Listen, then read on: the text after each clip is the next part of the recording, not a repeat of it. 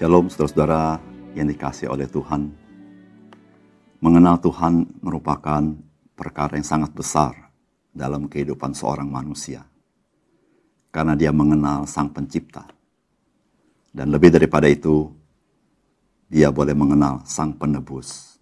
Sehingga dia boleh mengenal Sang Pencipta itu. Kita tidak mungkin bisa mengenal Sang Pencipta tanpa Sang Pencipta menyatakan dirinya kepada kita. Ketika dia menyatakan diri kepada kita, sesungguhnya dia sedang mengasihi kita. Bersyukurlah kita menjadi orang percaya. Salam jumpa dalam program Tuhan adalah Gembalaku.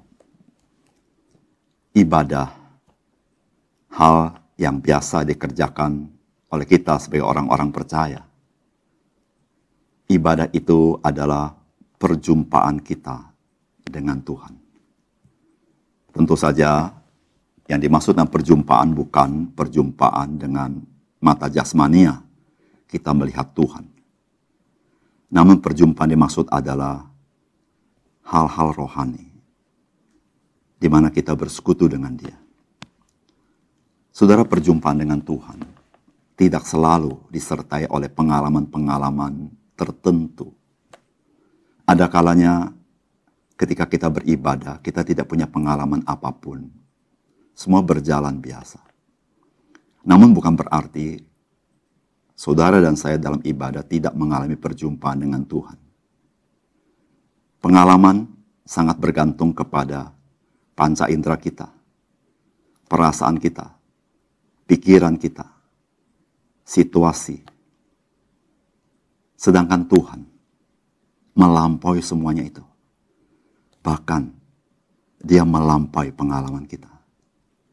Oleh karena itu, kita berjalan bukan berdasarkan pengalaman, tapi berdasarkan iman kepada dia.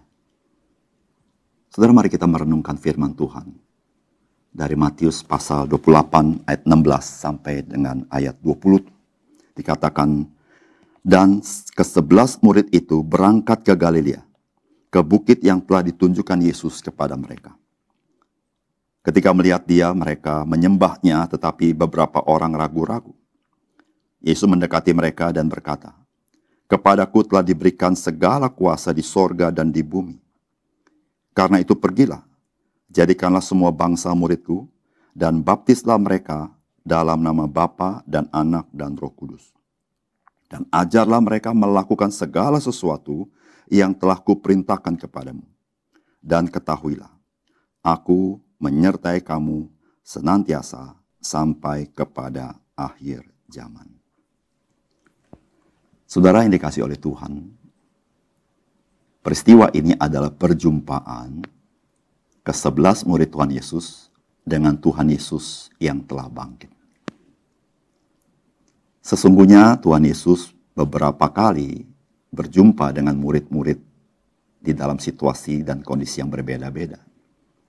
Namun peristiwa ini adalah peristiwa yang sangat khusus. Karena peristiwa ini sudah Tuhan Yesus katakan sebelum Tuhan Yesus naik ke atas kayu salib. Tuhan berkata bahwa ketika dia bangkit, dia akan mendahului murid-muridnya ke Galilea untuk berjumpa dengan murid-muridnya. Dan hal ini juga dikonfirmasi, diulang kembali. Disampaikan oleh malaikat Tuhan yang ada di kubur. Bahwa Tuhan Yesus mendahului mereka pergi ke Galilea untuk berjumpa dengan mereka. Demikian juga Tuhan Yesus yang bangkit itu, yang berjumpa dengan Maria Magdalena, memberitahukan kepada Maria Magdalena, supaya memberitahukan kepada saudara-saudara untuk berjumpa dia di Galilea. Artinya, peristiwa di Galilea ini adalah peristiwa yang penting, di mana Tuhan ingin berjumpa dengan murid-muridnya. Saudara, apakah pesan firman Tuhan yang kita bisa dapatkan dari bagian firman Tuhan ini? Saudara yang pertama, Tuhan hendak berjumpa dengan kita karena ada yang hendak ia sampaikan kepada kita. Saudara peristiwa ini yang kita baca. Kenapa Tuhan ingin berjumpa dengan murid-murid di Galilea? Kita baru tahu karena Tuhan ingin menyampaikan pesan kepada mereka.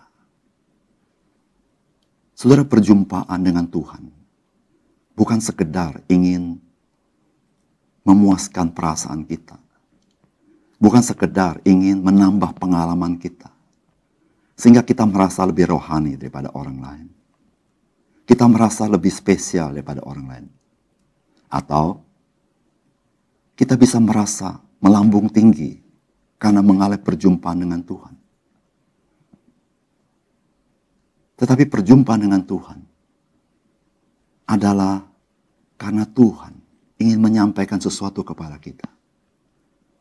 Oleh karena itu, saudara-saudara, ketika kita datang beribadah kepada Tuhan, sesungguhnya kita harus menyiapkan hati kita, yaitu membuka diri kita untuk taat dan mau mendengar apa yang Tuhan mau pesankan kepada kita. Bukan sekedar supaya kita mengalami kesenangan dan lain sebagainya yang lebih berpusat kepada apa yang kita inginkan. Saudara perjumpaan dengan Tuhan adalah peristiwa yang maha penting. Dan peristiwa yang maha penting, pastilah Tuhan punya maksud menyampaikan sesuatu kepada kita. Saudara, bukankah itu yang terjadi dalam peristiwa perjanjian lama? Orang-orang yang berjumpa dengan Tuhan bukan sekedar mengalami sukacita, bukan sekedar mengalami rasa melambung tinggi, tetapi ada pesan yang Tuhan mau sampaikan kepada mereka. Oleh karena itu, seorang yang berjumpa dengan Tuhan haruslah seorang yang siap taat kepada apa yang Tuhan pesankan kepada dia. Saudara, bagaimana dengan saudara ketika saudara beribadah?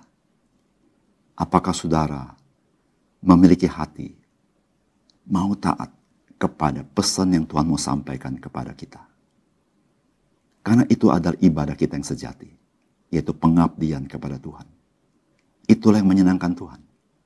Waktu kita berkata, "Ya Tuhan, saya mau melakukan apa yang Tuhan katakan kepada saya." Yang kedua, Saudara firman Tuhan bagian ini memberitahukan kepada kita bahwa pemberitaan Injil adalah perkara yang maha penting bagi Tuhan Yesus. Saudara-saudara, ada berapa kali Tuhan Yesus menampakkan diri kepada murid-muridnya, tetapi tanpa janji. Dia mendadak sontak datang menampakkan diri kepada murid-muridnya. Tetapi peristiwa di Galilea tidak peristiwa ini berkali-kali Yesus menyampaikan dia akan berjumpa dengan murid-muridnya. Ternyata ketika berjumpa di Galilea, Yesus memberikan amanat agung kepada murid-muridnya. Artinya apa, saudara? Artinya, saudara-saudara, amanat agung memberitakan Injil, menjadikan segala bangsa murid Yesus Kristus, merupakan proyek yang maha penting di hati Tuhan. Sehingga Tuhan berkali-kali menyampaikan dia akan berjumpa dengan murid-muridnya di Galilea. Saudara-saudara, seberapa penting pemberitaan Injil? Saudara Tuhan Yesus berkata, segala kuasa telah diberikan kepadaku, baik di bumi maupun di surga. Itulah pendahuluan sebelum Yesus mengutus mereka memberitakan kabar baik. Yang memberitahukan bahwa murid-murid ketika pergi, mereka tidak perlu bersandar diri sendiri. Tidak perlu takut. Karena ada otoritas Yesus Kristus yang menyertai mereka. Dan tidak perlu juga menjadi sombong ketika orang menjadi percaya. Karena ada otoritas Yesus Kristus yang menopang mereka. Bukan itu saja, saudara. Tuhan berkata, aku menyertai kamu sampai akhir zaman.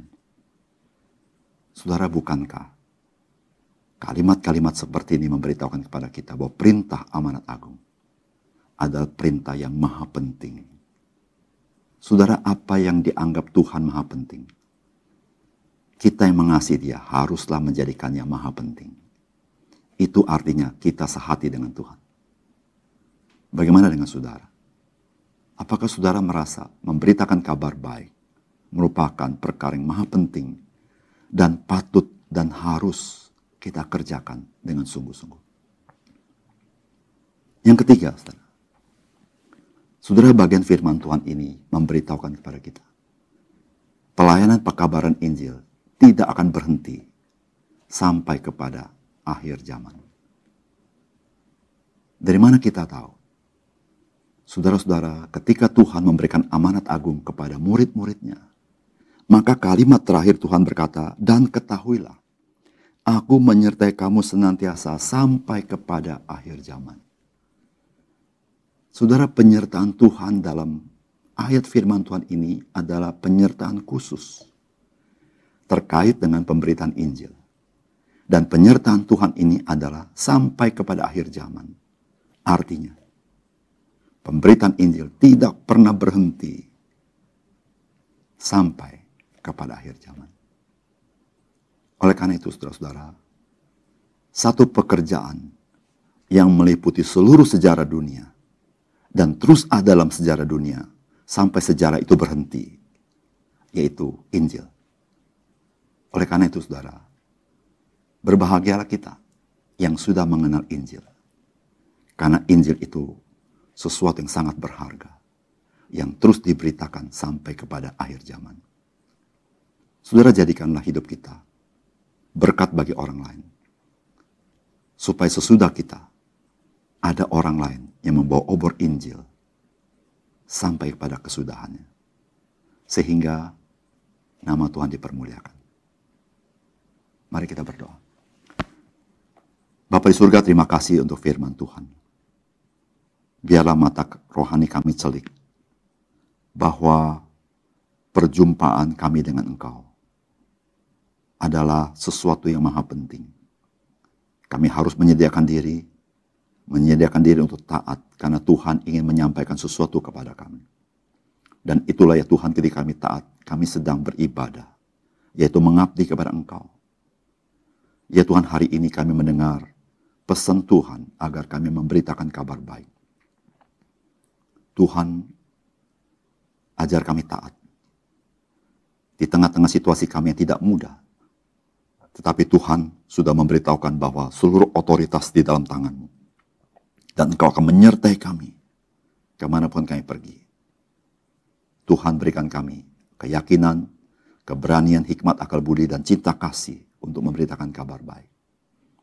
Ya Tuhan ajar kami juga menolong saudara-saudara kami yang lain supaya bersama-sama rindu memberitakan kabar baik. Karena pekerjaan inilah yang akan memenuhi sejarah sampai kepada akhir zaman. Satu pekerjaan yang mulia yang menentukan di dalam kehidupan manusia. Tuhan kami serahkan hidup kami hari ini. Jadikanlah kami saksi Kristus yang efektif di tangan Tuhan. Karena kami bukan melayani dengan kekuatan diri kami, tapi karena roh kudus yang bekerja dalam hidup kami. Terima kasih Tuhan dalam nama Tuhan Yesus kami berdoa. Amin.